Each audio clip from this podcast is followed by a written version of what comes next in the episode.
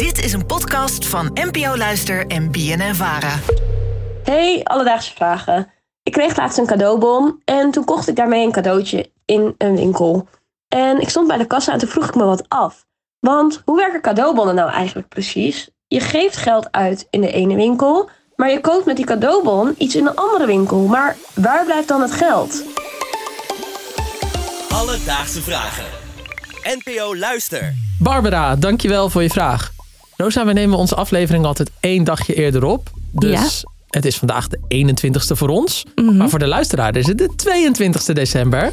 Oeh, Jouw verjaardag. ja, yes. Van harte gefeliciteerd. Ik denk ook namens alle luisteraars. Ehm, ben je iemand die blij wordt van een bon op je verjaardag? Eh, ja, eigenlijk wel. Vroeger niet. Vroeger vond ik het een slap cadeau. Maar nu denk ik, al- als ik zelf mag uitkiezen wat ik wil, dan is dit perfect. Ja. Waar blijft dan het geld waar jij je cadeautje mee betaalt? Dat vraag ik me altijd af. Ja, en Barbara dus ook. Ik ben voor haar in de wereld van de tegoedbonnen gedoken. En daarbij werd ik geholpen door Paul Moers. Hij is een retail- en merkendeskundige. En Paul wilde eerst wel uitleggen dat er heel veel verschillende bonnen zijn. Nou ja, er zijn eigenlijk drie soorten. Je hebt allereerst eh, de eigen cadeaubon hè, van, eh, van winkels. Eh, Denk aan de HEMA cadeaubon of de Bijenkorf cadeaubon en eh, noem maar op. Het tweede is dat je een sector cadeaubon eh, hebt. En daar bedoel ik mee dat je bijvoorbeeld de boekensector neemt of de fashion sector. En een derde categorie is een hele brede categorie, zoals bij de VVV, waar je op heel veel verschillende winkels en heel veel verschillende producten kunt kopen. Die werken allemaal net een klein beetje anders. Maar voor nu nemen we even de boekenbon als uitgangspunt. Stel Rosa, ik geef jou morgen een boekenbon van 100 euro. Zo? En die koop ik in het prachtige Waddingsveen, waar ik vandaan kom. Jij woont in Utrecht en je geeft die 100 euro in Utrecht uit aan een boek.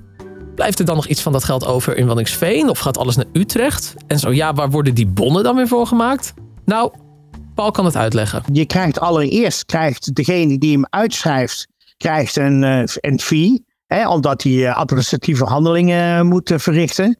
En dan heb je daarboven een overkoepelend geheel die dat allemaal moet bewaken en in de gaten moet gaan houden. En die krijgt natuurlijk een commissie.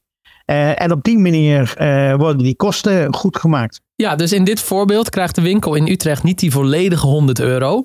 Want er gaat nog een klein bedrag naar de winkel waar ik de bon kocht en ook naar de overkoepelende organisatie. Maar ja, jij als consument, die heeft daar geen last van, want die 100 euro, die blijft gewoon 100 euro. Alleen de winkelier waar jij bijvoorbeeld je boek haalt, ja, die heeft iets minder marge op zijn product. Oh, dus eigenlijk zijn de mensen van de winkel zelf helemaal niet zo'n fan van een boekenbon. Nou, die blijven dit toch wel doen hoor. En wel hierom. Dus waarom willen winkeliers die checks graag in? Ten eerste creëert dat traffic. Dus mensen willen van eh, die bonnen gebruik eh, maken. Maar wat je er over het algemeen ziet, hè, dus vaak zijn die bonnen 10, 15, 20 euro. Eh, en mensen kopen dan eigenlijk altijd veel meer dan de bon waard is. En dus dan zie je dat zo'n winkel extra omzet eh, weet te genereren. En daarom zijn die winkels zo ongelooflijk blij met die bonnen. Het zijn gewoon lokkertjes. Het zijn lokkertjes, ja, want anders was jij misschien wel helemaal niet naar de winkel gegaan. Een soort het huisje van de heks van Hans en Gietje. Kom maar binnen. Exact dat. Ja. ja, en daarnaast vergeten mensen ook vaak hun bonnen. De schatting van Paul was dat in tot 10 tot 15 procent van de gevallen dit gebeurt. En als er dan een houdbaarheidsdatum op zit, dat dekt de kosten ook. Want dan is die verlopen en dan is het geld voor de organisatie. Ja, ik zit nu te denken hoeveel bonnen ik wel niet heb ingeleverd. Hoeveel geld ik heb opgeleverd aan die winkels. Ja, je zit op een kapitaal waar je niks meer mee kan. Ongelooflijk. Ik zei het al in het begin, er zijn heel veel verschillende bonnen en ze werken niet allemaal hetzelfde. Nou, bij interne bonnen, dus van één winkel, kan je wel bedenken hoe dat gaat. Maar er zijn ook andere bonnen en die werken net weer een beetje anders. Want Rosa, je ziet er eh, tip-top uit. Je hebt een prachtige trui aan. Heb jij vaak een fashion check cadeau gekregen?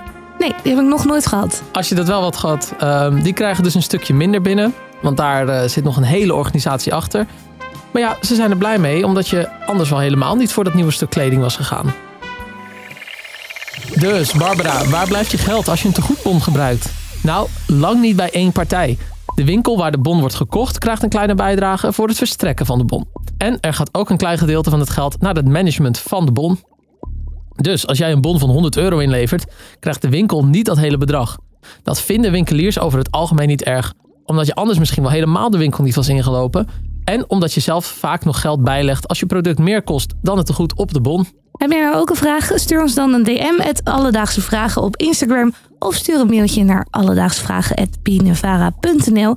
En dan zoeken we het voor je uit. En veel plezier met het uitgeven van die bon hè, van je kerstcadeau.